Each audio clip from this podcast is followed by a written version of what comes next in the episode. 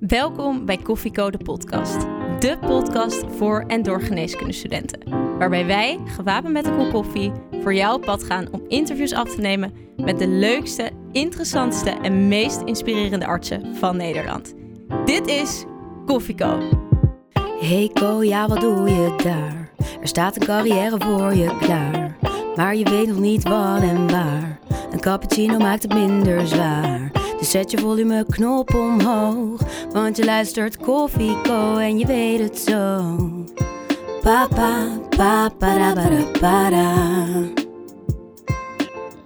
Welkom bij Koffieko de podcast, de special. Wij zijn Doris En Tiara. en in de special gaan we in gesprek met artsen over vakoverstijgende onderwerpen. Vandaag gaan we het hebben over het reilen en zeilen van het grootste kinderoncologisch centrum van Europa met professor Dr. Rob Pieters, kinderoncoloog en medisch directeur van het Prinses Maxima Centrum. Professor Pieters, ontzettend leuk dat wij eh, hier mogen zijn bij uw bezoek. We gaan weer snel van start met een luchtige vraag. En ook altijd de eerste vraag van de podcast. Wij zijn namelijk heel benieuwd hoe u uw koffie drinkt. Gewoon simpel, zwart. Ja, niks anders Niks, erin? niks anders, nee. nee. En ehm, uw patiënten zijn natuurlijk veelal jonge kinderen. Drinkt u wel eens een koffietje of misschien een glaasje limonade met hun? Zeker. Eh, zeker in de spreekkamer zeg ik, nou, ik ga eerst even koffie halen, loop even mee. En dan nemen we chocomel voor de, voor de kinderen meestal. Dus het, eh, ja. Oh, wat lekker. Ja. Nou, we gaan het vandaag natuurlijk over uw werkplek hebben. Het Prinses Maxima Centrum. Wat is precies het Prinses Maxima Centrum? Ik denk dat bijna iedereen het wel weet, maar kunt u het in uw woorden uitleggen? Ja, het Prinses Maxima Centrum is een, eh, een centrum voor kinderen met kanker. Niet alleen voor zorg, maar ook voor research en opleiding. Het is eigenlijk een centrum waar alle expertise gebundeld is op het gebied van kinderkanker. Zo simpel is het. Dus het is het nationale centrum en tegelijkertijd, nou wat jullie eh, intro al een beetje zeiden, ook van Europa eigenlijk. Wanneer is dit centrum hier gekomen? Ehm, het hangt een beetje af van hoe je de vraag interpreteert. Maar wij zijn eh, officieel in juni 2018 in dit gebouw open gegaan.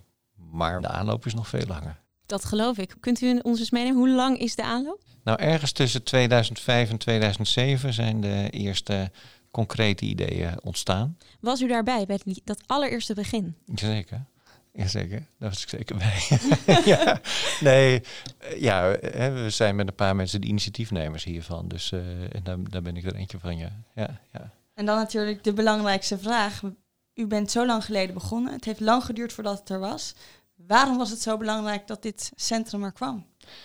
Nou, omdat je wil dat, ehm, dat ieder kind met kanker geneest en niet 75 procent. dus we nemen met niet minder dan 100 procent genoegen. Ehm, en op een gegeven moment kom je erachter dat je eigenlijk te weinig weet van alles en dat niet meer bij kan houden. En dan moet je dus met z'n allen bij elkaar gaan zitten om voor ieder kind de beste zorg te kunnen leveren. En ook je researchgeld het beste te besteden en niet overal een beetje verspreid. Want we hadden zeven kinderkankercentra in Nederland en die zijn allemaal opgeheven en nu hebben we er nog één. Dus de, de motivatie was heel simpel. Eh, daar is het ook mee begonnen met die vraag, wat zou je voor je eigen kind doen? Dan zou je een Prinses Maxima Centrum maken. En hij is er gekomen. Ik neem aan dat het niet allemaal zonder slag of stoot ging. Ehm, wat was het allermoeilijkste aan het opzetten van dit centrum? Ik stel meestal de vraag andersom, wat denk je dat de meest remmende factor is? En het beste antwoord is, dat ben je zelf. Mensen denken altijd, ja, dat zijn of de verzekeraars geweest eh, die iets moesten, of de besturen van academische ziekenhuizen die hun kinderoncologisch centrum op moesten geven. Eh, dat zijn niet de, de remmende factoren. Daar hebben we gewoon gesprekken mee gehad en daar kun je verschillend denken over de uitkomst. Dat geeft ook niet. Ehm, maar als je iets als professionals echt zelf wil, dan moet je het gewoon doen. En als het dus niet lukt, dan heb je dus zelf het, het probleem niet opgelost. En dan was je dus zelf de remmende factor. Dat is dus ook ondernemen. Dat je niet laat remmen eh, door jezelf. Eh, dus je moet zelf de bakens willen verzetten. En dat betekent dat je moet opgeven wat je hebt. Voordat je weet of het lukt om iets nieuws te maken. U zegt de remmende factor, dat is iemand zelf of dat ben je zelf. Ja. Wat in uw karakter maakte dat u dit kon doen? Dat er geen remmende factor bij u in uw karakter zat? Nou, dat is, ik ben in heel veel dingen heel gemiddeld. Eh, maar ik denk dat ik wel een iets groter doorzettingsvermogen heb dan de andere mensen. Ik ben ook best wel eigenwijs. En tegelijkertijd ehm, kan ik ook best wel goed met andere mensen omgaan. En met een aantal mensen hebben we steeds de kar getrokken om, om dit voor elkaar te krijgen. Maar je moet een hele lange adem hebben. Je moet niet snel opgeven. Je moet voor je ideaal gaan. En uiteindelijk is, omdat wij weten waar we het voor doen, dat doel, dat was heilig. Heeft u wel eens op een moment gedacht, dit is toch een te grote opgave, ik geef op?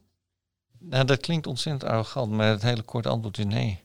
Je hebt heel veel barrières, maar dat is natuurlijk zo. Als je, kijk, als je merkt dat je geen barrières hebt, dan werk je aan een kleine verbetering. Dat is niet zo ingewikkeld, dat je een klein beetje de zorg veranderen op de bestaande manier, dat is, dat is niet zo moeilijk. Maar als je echt iets nieuws wil, dan moet je dus bestaande structuren doorbreken. En dan krijg je dus weerstand. En dat is logisch en ook helemaal niet erg. Um, ongeveer, nou, laten we zeggen, 15 jaar geleden droomde u hiervan. En nu staat het er. Ja. Hoe voelt dat? Ja, geweldig. Ik ben, ik ben elke dag dat ik hier binnenloop of dat ik langs rij, ben ik trots. Maar niet ik alleen. Iedereen die hier werkt. En dat voel je, ik weet niet of jullie het voelden toen je binnenkwam lopen. Je voelt dat er een andere sfeer hangt dan in een, laten we zeggen, een ander ziekenhuis. Kunt u dat eens omschrijven voor de luisteraars die er nog nooit zijn geweest? Het is een, uh, de motivatie druipt er vanaf. De betrokkenheid druipt er vanaf. Bij iedereen die je tegenkomt. En gek genoeg ook de vrolijkheid. En de lol. Ondanks de ellende die in huis uh, plaatsvindt. Ook toen we het gebouw lieten ontwerpen, hebben de, hebben de verpleegkundigen en de ouders een hele grote stem in gehad. Uh, de belangrijkste stem zelfs. Maar we hebben het laten ontwerpen door een architectenbureau wat nog nooit een ziekenhuis gebouwd had. En waarom? We wilden helemaal geen ziekenhuis. We wilden een plek waar kinderen met kanker behandeld zouden worden. Wij hebben het geluk dat we een rondleiding hebben mogen genieten hier, door, omdat wij hier studeren. Oh, dan heb je de, de FIT-behandeling gehad. Ja, zeker. Dus kunt u uitleggen, u heeft het over het ontwerp, wat er allemaal mogelijk is hier in het uh, Prinses Maxima en wat er allemaal te doen is? Ja, kijk, het uh, gebouw ademt een beetje uit wat we, wat we wilden. En, en sommige mensen die daar heel erg bij betrokken zijn geweest, die nu binnenlopen, zeggen ook, ja, dit moest het worden. Nou, wat je, wat je ziet is een gebouw wat licht is, met veel hout en, en, en veel oranje. Hè. Niet voor niks oranje. Maar er zitten ook heel veel ruimtes in het uh, gebouw uh, waarin uh, kinderen kunnen spelen en bewegen. Dan zit je de hele dag op die kamer. Naast elke patiëntenkamer zit een ouderkamer. Daar hebben we apart fondswerving voor gedaan. Want ouders willen dicht bij hun kind zijn. Vanuit elke ouderkamer kan er schuif er open naar een balkon met een zitje. Want dat was de tweede wens van ouders. Frisse lucht. Die wordt helemaal gestoord in een ziekenhuis waar je nooit even je neus buiten de deur kan steken. En zeker als je een half jaar lang hier moet zitten met een ernstig ziek kind en met alle angsten die erbij horen. Maar, en dat vergeten we wel, dit ziekenhuis is niet gemaakt om die ruimtes. Uiteindelijk is het gemaakt om kinderen met kanker te behandelen. Dus je ziet de zorg en de research heel dicht bij elkaar zitten. Het loopt letterlijk door elkaar heen.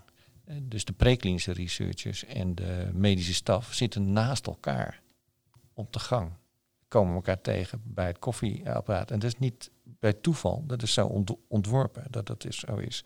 Ja, heel veel van dit soort dingen uh, is over, er is over nagedacht dat de late effectenpolykliniek niet op de behandelafdelingen zit, zit op de begaande grond. Want als je op een gegeven moment meer dan vijf jaar klaar bent met behandelen, ja, dan ben je ook, dan wil je uit die wereld.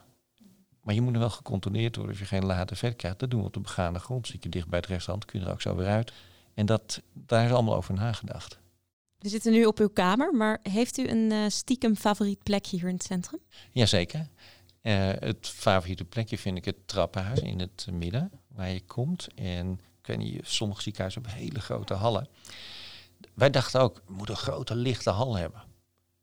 En de ouders zeiden, alsjeblieft doe dat niet. Want dat is zo eng en, en dan moet je maar kijken waar je naartoe moet. We willen een kleine hal en dat je direct de lift of de trap op kan. Uh, maar als je dat trappenhuis omhoog gaat naar de eerste verdieping, is nog eigenlijk, dat is saai. Daar zitten wij, kantoren, uh, allerlei ondersteunende afdelingen, onderwijsruimtes, dat soort dingen. Maar de tweede en derde verdieping, dat is waar de behandelingen plaatsvinden. En het ziekenhuis is het ziekenhuis delen, want we zijn een centrum, we zijn geen ziekenhuis, maar een centrum waar ook research gebeurt en opleiding is.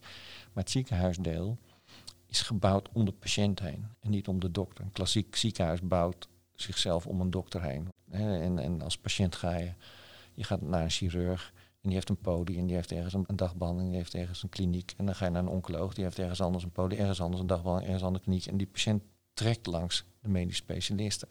Hij wil zeggen, nee, die medische specialisten komen naar de patiënt toe. Dus we hebben voor iedere patiënt maar één balie.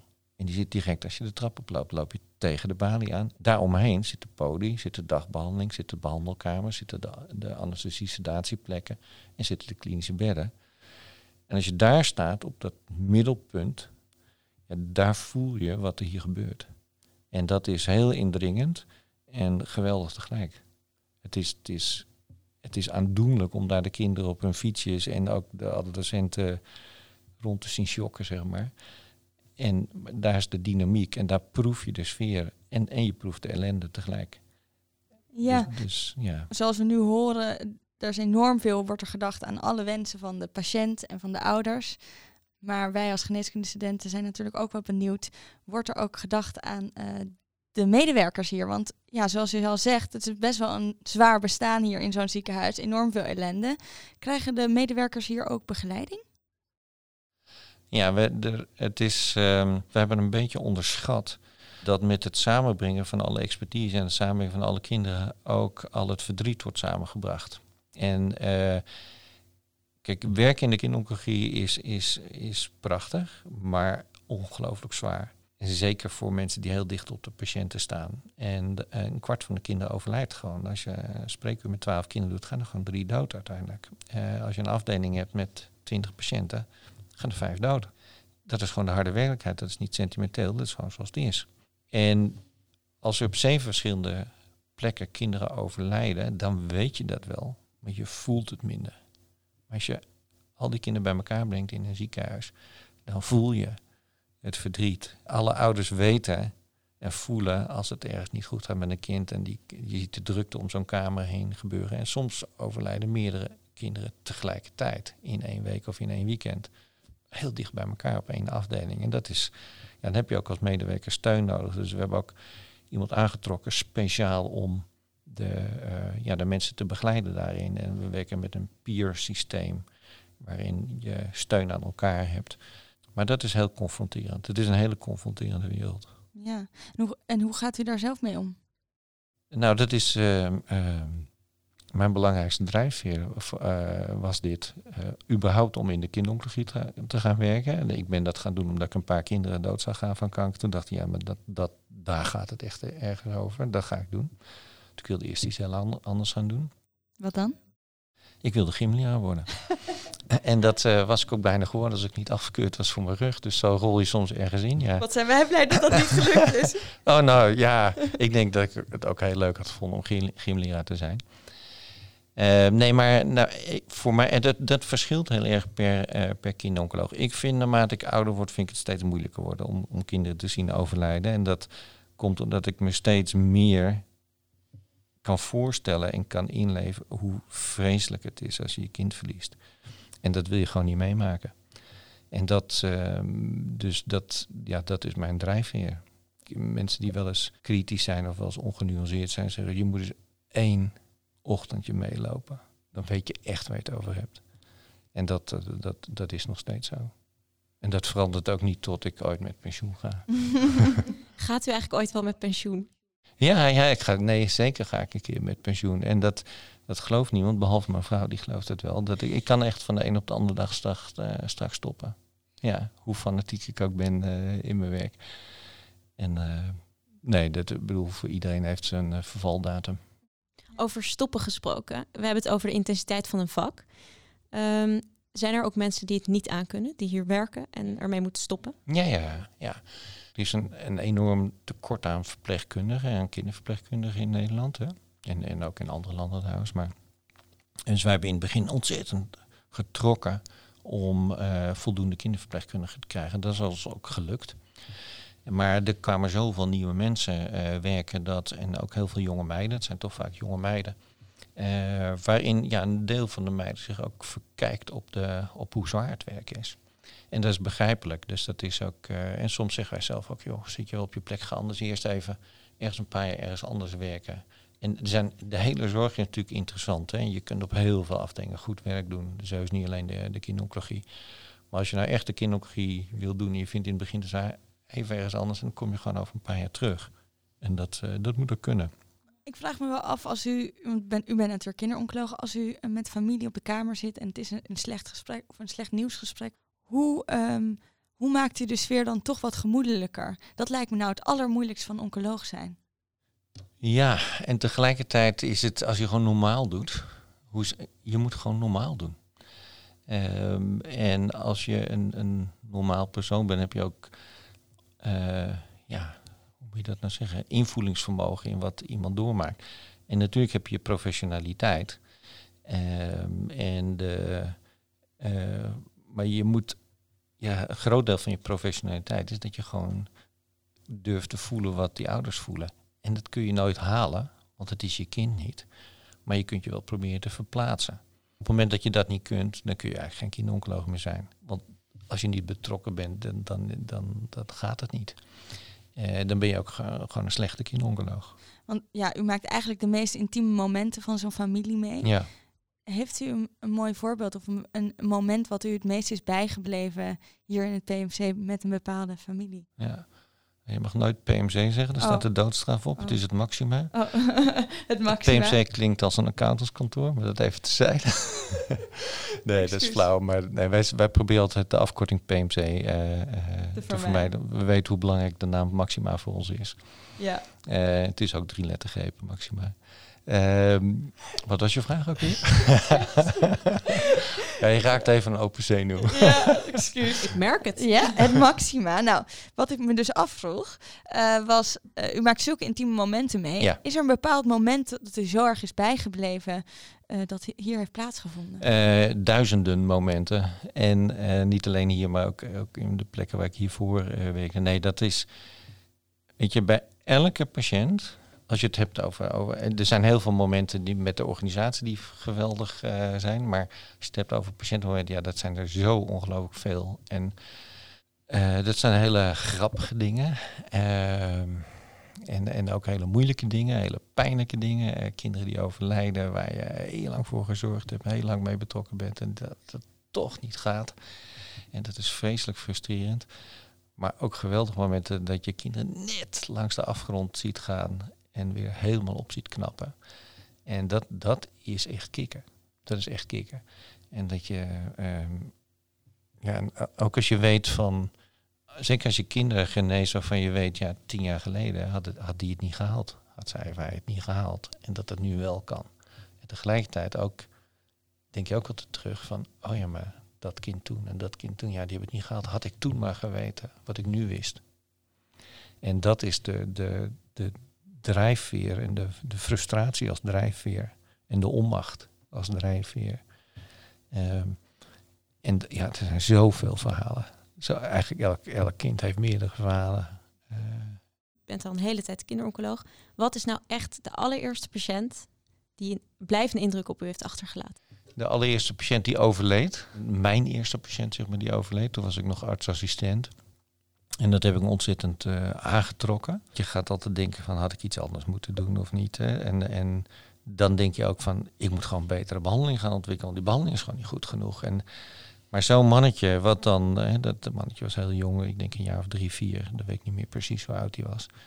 Um, en als je dat gewoon ziet overlijden en je ziet dan het verdriet van de ouders, dat is, dat is zo ingrijpend.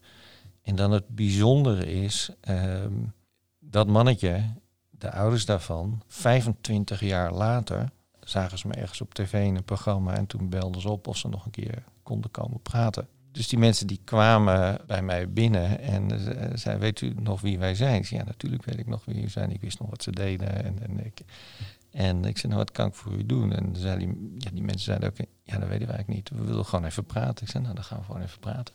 En natuurlijk komt het gesprek op dat mannetje. En had hij nu nog geleefd, had hij nu een betere therapie. En was, de kans is groot dat hij nu wel had geleefd. Omdat we inmiddels voor zijn vorm van leukemie veel betere therapie hadden. En het tweede mannetje, wat ik behandelde, die ouders belden hem ook op. Na 25 jaar. Maar die heeft het overleefd. En die jongen heeft hier gewerkt. En meegewerkt aan de bouw van het Prinsen Maxima Centrum. En dat waren maar de eerste twee. En dan komen er nog een paar honderd of duizend, ik weet het geen eens hoeveel, achteraan. En zo, dat zijn En dat tekent ook wel dat als je een kind met kanker hebt, dat blijft altijd bij je. Dat is uh, voor ouders, dat gaat nooit over. Breekt u ook wel eens uh, bij ouders? Um, heel soms. Maar ik probeer het te voorkomen. Maar Waarom probeert u het te voorkomen? Nou, weet je, je moet ook je professionaliteit wel houden. En ouders zien ook dat ik het moeilijk heb. Maar het gaat niet om wat ik vind en wat ik voel. Het gaat om wat die ouders voelen. En die ouders weten heus wel dat ik meeleef. Um, en je moet, kijk, de gesprekken, kijk, kijk, de diagnosegesprekken, dat leer je. De gesprekken dat een kind gaat overlijden, dat leer je ook, maar dat wordt nooit normaal. Dat is elke keer weer dat je met kippenvel naar binnen gaat of de ouders binnen ziet komen. Um, en dat is, um, en daar, ja, die, die momenten, ja, daar zijn er zoveel van, dat, ik, dat je die ook weet. Hè, dat, dat, en daar, ja, daar zijn ook heel veel verhalen over, over een meisje wat, je, je, ik, als kinderen klein zijn, vertel ik altijd eerst tegen de ouders dat het niet meer gaat en dat een kind niet meer kan genezen. En daarna ga je met het kind praten in bijzijn van de ouders en dan, dan krijg je hele bijzondere gesprekken omdat dat die kleine kinderen, uh, de meeste zijn niet gek. Of uh, er is geen enkel kind gek. Maar de eerste woorden zijn altijd dat ik zeg de foute celletje bij, bij een bepaalde leeftijd. Dan de foute celletjes zijn terug en ik heb geen pilletjes meer om je helemaal beter te maken. En dan kijk je de woorden die zo'n kind kiest en die gebruik je dan vervolgens in het gesprek. En nou ja, ik had, was een keer een meisje en die zei van maar ga ik dan dood? Hè? Want kinderen van vijf, zes jaar zeggen dan gewoon, ga ik dan dood? Want die hebben een uh, ander perspectief van doodgaan. Ik zeg, ja, dan ga je wel dood, maar dan ga je niet, dat is niet over één nachtje. Anders denken die kinderen dat ze morgen, dus dat duurt nog wel honderd nachtjes slapen bijvoorbeeld. Dus dan weten ze dat het nog best een tijd duurt. En het meisje zei, maar ga ik dan wel naar de hemel? Ja, natuurlijk ga je naar de hemel. Waarom denk je dat je niet naar de hemel gaat? Nee, nee, maar in de hemel zijn opa en oma ook. Ik zeg, nou, dat, ik zeg, dat is hartstikke mooi. En dan kom je weer bij opa en oma. En waarop dat meisje tegen de vader en moeder zegt, dan hoop ik dat jullie ook snel komen. Oh. En dat is triest en komisch tegelijk. En, maar het breekt wel het ijs voor ouders van hoe moeten we hierover praten met hoe vertel je aan je kind dat dat kind doodgaat? Dat is niet te doen voor ouders. Dat, dat krijg je niet over je lippen. En dus moet je ouders daarin helpen om dat helder te krijgen. Ja. En, en dat ze daarover kunnen hebben thuis. Maar goed, dat, dat, dat, dat zijn gewoon hele zware gesprekken. En dat, uh, en dat geldt opnieuw wat ik toen straks zei, gewoon normaal doen. Heeft u het gevoel dat kinderen het vaak zelf al aanvoelen of weten ja, voordat de ouders... Ja? Het is, dat moet je nooit onderschatten. Nooit onderschatten. Kinderen beschermen heel vaak hun ouders. Hè. Kinderen willen hun ouders niet verdrietig uh, zien. En zeker bij pubers is dat heel erg uh, duidelijk. Dus je moet pubers altijd apart ook spreken. Want dan zijn ze open. Vaak bij ouders, met ouders bij zijn ze niet open. Dus dan, dan, heb, je, dan heb je heel andere gesprekken. Uh, pubers die zeggen van, mag ik u even alleen spreken? En, en als je dan, eh, ik had een keer een meisje die zei, ja, ik wil even alleen spreken, want als ik dan dood ga straks, hoe ga ik dan dood? En mijn ouders kunnen ja. er niet zo goed tegen. mijn ouders kunnen er niet zo goed tegen, nee. Nou, ik merk dat wij hier alle drie met tranen in onze ogen zitten. Um, ja. Dus iets luchtigs namelijk, want wij zitten hier bij u in de kamer. En ja, jullie vroegen erom, hè? Ja, en, en het is ook zeker belangrijk om te horen, en vooral als co-assistent. Maar wij zitten hier in de kamer en ik kijk naar rechts van mij en ik zie een volle kast staan ja. met allemaal attributen. En volgens mij heeft dat ook wel te maken met alle persoonlijke verhalen van de patiënten. Wilt u daar iets meer over vertellen? Um, ja, dat zijn allemaal attributen. Dat zijn veel tekeningen en cadeautjes die je van kinderen krijgt. Ja, dat, dat zijn hele, hele aardige dingen die je van kinderen krijgt. En uh, uh, dat ze je bedanken en kaartjes schrijven of tekeningen maken. En vaak natuurlijk samen met de ouders. Uh, dus dat is heel ontroerend om, om te krijgen. En er staan ook een paar attributen die te maken hebben met de bouw van het Maxima. En, ooit de eerste steen, zeg maar, die, er, die erbij ligt. Dat, ja. Dus het is, maar ook hele, ja, eigenlijk wel trieste dingen, zielige dingen van uh, kinderen die uh, overleden zijn en waar de ouders dan iets terug willen doen en dan geld bij elkaar gaan brengen. Uh, daar staan er ook een paar van, van tussen. Ik vraag me heel erg af, heeft u nou niet wel eens de behoefte om ze gewoon als een orthopedisch chirurg een gebroken arm te, te behandelen? Uh, nee, nee daar het- zou ik ontzettend nee? slecht in zijn namelijk. Ja, nee, dat zou ik echt niet kunnen. Het, eh, ik vind het hartstikke leuk om te knutselen. Maar ik zou altijd denken bij dat laatste schroefje, ja, zo kan het ook wel. Zonder dat laatste schroefje. Maar de luchtigheid van zo'n vak waarin een gebroken arm het grootste probleem is? Ja, dat heb, ik- dat heb ik nooit gewild. Ik heb, ik bedoel, orthoped is net zo belangrijk als een, als een kinderoncoloog. Dat, dat, daar gaat het niet om. Maar ik, ik wilde echt iets ja, op, op, eh, op, op, hoe noem je dat nou? Waar het om dood en leven gaat. Of om leven en dood, eigenlijk is dat de beste volgorde. Staat u ook zo in het leven? Ja, ik ben heel vrolijk, eigenlijk wel. En, Zegt hij eh, met een grote grijns. ja.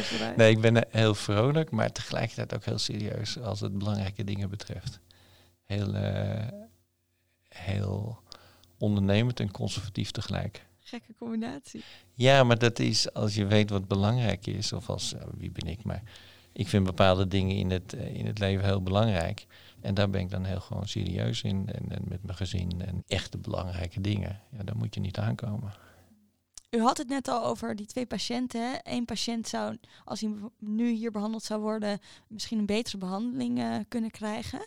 Zien jullie nu eigenlijk al effect van wat er hier allemaal gebeurt in het Maxima? De bundeling van alle krachten samen. Zien jullie daar al effect van en verbeteren de behandelingen al? Jazeker. De- eh, kijk, je kunt niet, we werken in de oncologie met 15 jaar overleving. We bestaan twee jaar. Dus dat kun je helemaal niet zien. Maar er zijn wel heel veel dingen waar we vooruitgang in, eh, in zien, die makkelijker te meten zijn op korte termijn. Bijvoorbeeld de complicaties rondom de operaties significant verminderd. Significant verminderd. Als je iets vaker doet, doe je het beter. Nou, dat, zie je daar het, eerste. We zien dat eh, de introductie van nieuwe behandelingen veel en veel sneller gaat dan vroeger. Vroeger hadden we zeven centra, duurde het soms wel anderhalf, twee jaar tussen het eerste en het zevende centrum voordat je een nieuwe behandeling geïntroduceerd had. Nou, dat is nu patsboom in één keer. Er zijn nieuwe immunotherapieën uit de zogenaamde sluis bij de minister gekomen, versneld, omdat alle kinderen hier behandeld werden, waarbij de minister ook zei, deze behandeling is goed. En omdat die op één plek kan waar je alle expertise snel op kunt bouwen, want het gaat altijd maar om een beperkt aantal patiënten gelukkig, eh, dat telt mee in de beslissing om het uit de sluis te halen en beschikbaar te krijgen voor alle patiënten. Nou, dat zijn maar voorbeelden van de integratie van research en zorg is enorm. Hè. Eh, bedoel, 97% van de kinderen, het, het materiaal van hun tumor komt in de biobank terecht. Daar wordt onderzoek mee gedaan. Alle kinderen zitten in, in studies. Dat klinkt heel zakelijk, maar het is wel heel belangrijk voor de vooruitgang van de kinderoncologie en dus voor de kinderen. En voor de toekomst, wat kunnen we verwachten? Als, u had het net over 10 à 15 jaar overleving. Wat verwacht u? Eh, wat, kijk, waar, we hebben gewoon een hele heldere missie. We willen 100% genezing en 0% bijwerking. En je moet in feite als outcome moet je meten overleving gedeeld door de bijwerkingen. Nou, 100 gedeeld door 0 is oneindig. Dus dat is oneindig mooi.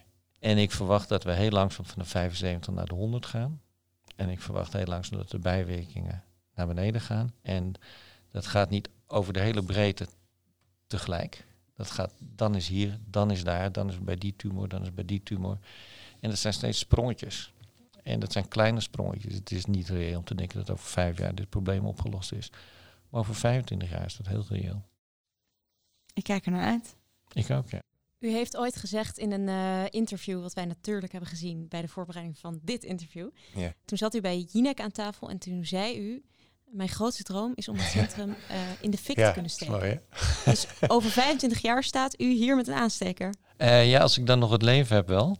Ehm, nee, maar dat is, in, ik zeg dat expres, want dat blijft altijd hangen. Het is niet van die ik zou op jou blijven hangen. Kijk, het gaat, het gaat uiteindelijk namelijk niet om dit centrum. Het centrum is maar een middel. Wij zijn allemaal maar een instrument. Het gaat om het doel.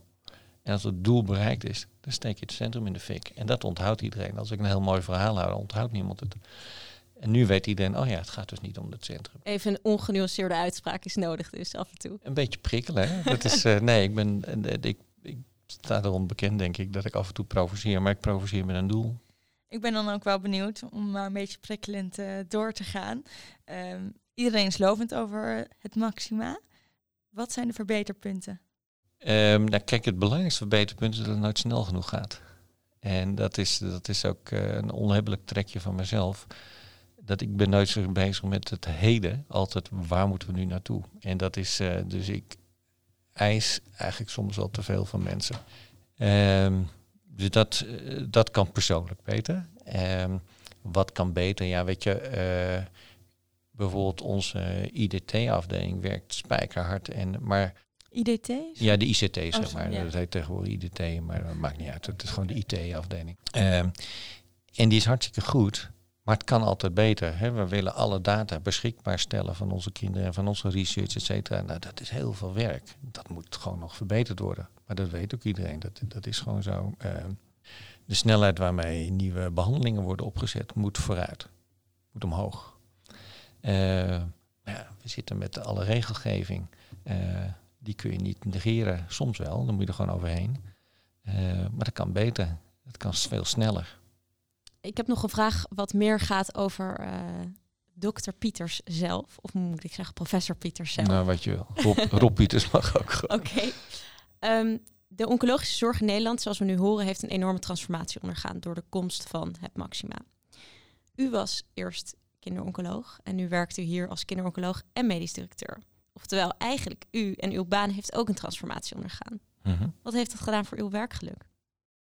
Ehm, weet je, je wordt niet opeens medisch directeur. We waren met een aantal mensen al heel erg bezig met het organiseren van de zorg en de research. Hoe zet je, hoe zet je zo'n centrum? Dus je groeit daar automatisch in.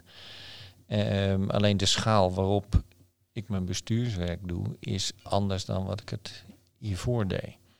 Ehm, en het is de combinatie met, eh, met de inhoud die het ook heel interessant maakt. Ik denk ook dat je een betere bestuurder bent als je de inhoud eh, eh, kent. Althans, dat geldt voor een mediedirecteur in ieder geval. Dus wat betekent het voor mij? Ik, bedoel, ik vind het leuk om te organiseren en, en, en ik ben natuurlijk ook best wel een bepaalde manier een beetje autoritair in mijn manier van doen hoe dingen moeten. Dus ik vind het leuk om, om aan te sturen hoe iets zou moeten. Maar inmiddels is het zo dat de hele organisatie zo goed is dat ik eigenlijk niet zoveel hoef te doen. Kunt u eens een voorbeeld geven waar, waar je nu dan autoritair zou kunnen overkomen op anderen? Ja, dat, dat kan zeker. Als, als iets me niet zint, omdat het niet goed gaat en steeds maar niet verbetert, dan kan ik heel directief zijn. En soms onaangenaam directief. Dan, dan verlies ik mijn geduld wel eens. En dan zeg je, ja, dit moet gewoon zo en zo, punt. En nu gaan we het er niet meer over hebben. Dat hebben we vaak genoeg gehad. Nu doen we het gewoon zo. Klaar. En dat is, eh, ja, dat is dus misschien niet het handigste trekje van mijn karakter. Heel eerlijk. Ja, er is nog één ding wat ik me nog wel afvraag. Hoe zijn jullie op de naam gekomen? Prinses Maxima. Wat is de reden waarom? Heel erg simpel. Alle kinderziekenhuizen in Nederland zijn genoemd naar een koningin. Koningin Wilhelmina, koningin Sophia, koningin Emma. Dan lopen ze maar langs, Juliana. Eh, dus wij wilden natuurlijk ook een koningin in naam hebben. Alleen was onze aanstaande koningin nog geen koningin. Kijk, wij zijn een, een nationaal centrum met een internationale uitstraling. En we hebben een nationale koningin met een internationale uitstraling. Dus het is niet voor niks dat wij het Prinses Maxima Centrum eh, eh, zijn gaan eten.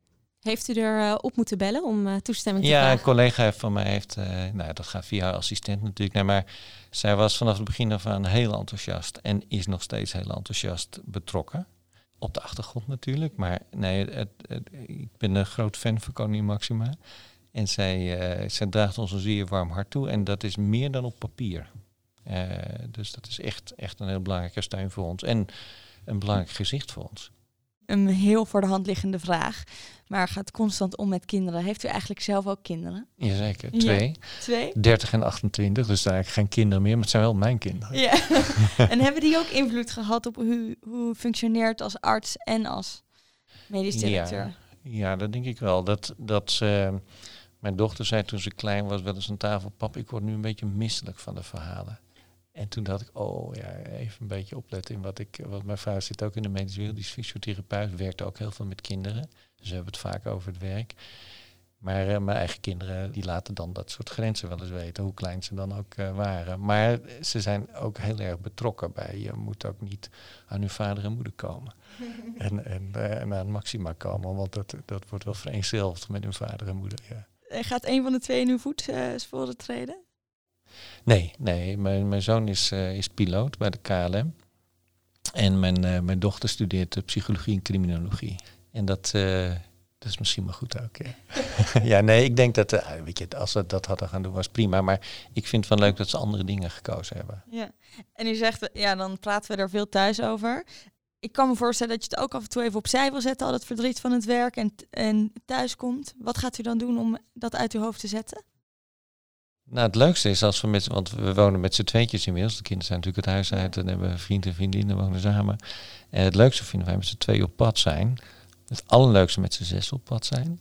Uh, maar het leukste is met z'n tweeën, is, is heel leuk om met z'n tweeën op pad te zijn. En dan maakt het nog niet zoveel uit waar naartoe. Het is, uh, en ik ken mijn vrouw al vanaf mijn zestiende uh, en zij vanaf haar vijftiende. Dus we kennen elkaar heel lang. Dus we, ja, we weten niet beter. En, en, maar dat is ook wel heel leuk. Het is echt heel leuk. En we zijn nu al bij 60. Dus we, we delen ons hele leven al samen. En dat is wel heel bijzonder. Ja. Carrière technisch heeft u uh, een enorme prestatie geleverd. Dat is in dit interview ook weer heel duidelijk geworden. Wat is nog een prestatie die u op persoonlijk vlak de aankomende jaren gaat leveren? Um, nou, de mooiste vijf jaren van het maxima, die, dat zijn de komende vijf jaar. Omdat we, je hebt altijd wat opstartproblemen, maar dat, is, dat geeft helemaal niet. Dat, dat los je gewoon met z'n allen op. En nu zitten we echt, en dat merkt de hele organisatie ook, dat merken alle mensen die hier werken. Nu kunnen we doen waarvoor we bestemd waren. Dus nu gaat het erom. Zijn we, hè, we zijn heel stoer in wat we allemaal willen, maar gaan we het ook echt doen? En dat, dat moet de komende vijf jaar blijken. En dat wordt echt, uh, echt wordt heel leuk. Maar dat gaat zeker lukken. En de komende vijf jaar bent u dus nog zeker hier te vinden. Ik denk wel langer. Heeft u stiekem al dromen voor de, voor de latere toekomst? Nou ja, zeker. Dat, kijk, wat wij heel veel doen is, is reizen, is zeilen, is, is fietsen, is boeken lezen, een beetje aanklooien. En dat, uh, dus ik ga me niet vervelen als ik uh, met pensioen ga. En dat, nou ja, en je weet ook nooit of je een keertje kleinkinderen krijgt. Dat is, zitten, we zijn natuurlijk al zijn natuurlijk wel gericht op, op kinderen. Maar ik wil geen druk op mijn kinderen leggen. Maar dat doe ik toch even via deze podcast. Uh, nee, maar dat is. Uh, dus daar zullen we ons ook wel uh, mee. En, en we kunnen ook onze kinderen dan weer helpen. Zoals wij ook altijd geholpen zijn door onze ouders weer. Met, met, toen wij kleine kinderen hadden. Dan is de cirkel weer rond. Ja, dan is de cirkel rond, ja. Ja, voordat we doorgaan naar wat als, heb ik nog één vraag. En dat gaat namelijk over ons. de co-assistent. Ik ben heel, heel erg benieuwd als je als co-assistent hier bijvoorbeeld de kooschap gaat lopen. Um, wat voor tip heeft u dan voor de co-assistent? Want je gaat natuurlijk best wel een intense wereld in. Nou, weet je, het is met name, het is intens, maar omdat het intens is, is het ook ongelooflijk interessant. Het is echt een heel interessant vak in oncologie, omdat het van alles bij elkaar brengt. Research en zorg, maar ook alle...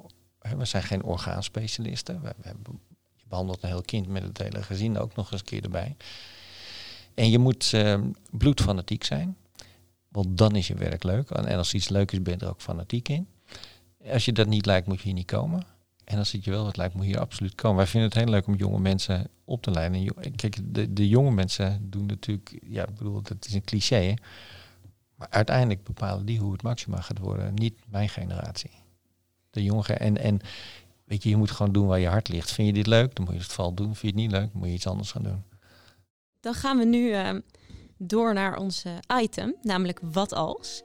En in Wat Als stellen wij diepgaande vragen om onze gasten nog beter te leren kennen. En de allereerste vraag die, uh, die wij voor u hebben is: Wat als u een talent van iemand anders mocht overnemen? Geduld. Van wie, van wie zou u dat willen overnemen? Van mijn vrouw. ik, ik proefde al een soort. Oké, okay, nou die was heel makkelijk. U wist het meteen. Ik ben benieuwd of we u kunnen verrassen met de volgende vraag. En dat is: wat als u in het buitenland zou verblijven? Dat is een ingewikkelde, want die, ja, die kansen zijn er geweest. Maar die hebben we, heb ik bewust afgeslagen. Mevrouw wilde wel, maar ik wilde niet. En waar was dat? En, en uh, nou ja, dat was in, in, in, bijvoorbeeld in Amerika. Uh, de wereld is natuurlijk niet zo groot. Dus uh, nee, maar als ik in het buitenland had gezeten, had ik hetzelfde gedaan. En in Amerika zijn er wel dit soort uh, centra, toch? Ja, die zijn er wel, ja. Die hebben ook wel uh, gespeeld, zeg maar, die plekken. Oh, ik hoor even een telefoon Ja, dat is mijn telefoon. Dus die scheidt vanzelf meer uit. Gaan we hem negeren? Ja. Dan wachten we even tot hij afgelopen is. Ja, is al klaar. Ja, nu is hij op voicemail. Ja. ja, kom maar. Oké. Okay. Toen hier het maxima helemaal af was, de laatste steen was gelegd, de, de MRI's stonden erin en de schilderijtjes hingen aan de muur. Heeft u toen een traantje gelaten? Nee, Daar heb ik geen traantje over gelaten. Nee, ik heb wel gejuicht. ja, ja. Nee, ik heb geen traantje gelaten. Maar het was wel heel emotioneel, maar op een leuke manier emotioneel. Ja, ja het was echt... Uh, en, voor, en ook voor heel veel mensen die hier zoveel werken. En je wil niet geloven hoeveel energie mensen hierin hebben zitten. En, en, uh, en ik vond het zo leuk voor alle mensen bij elkaar, inclusief mezelf natuurlijk. Uh, hoe geweldig dat was, dat moment. Ja. U komt voor mij over, u zit er relaxed bij, u bent de grote praatprogramma's gewend. U uh, kunt makkelijk oh, maar het was niet zo moeilijk als dit, hè? Nee? nee, flauw. Maar u komt op mij over als een bescheiden man. Klopt dat?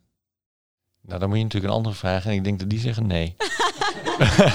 nee, ik ben op een bepaalde manier wel bescheiden. Maar dat zullen heel veel mensen niet met me eens zijn. Omdat ik ook heel duidelijk kan zeggen wat ik vind. En ook niet bang ben om dat in het openbaar te doen.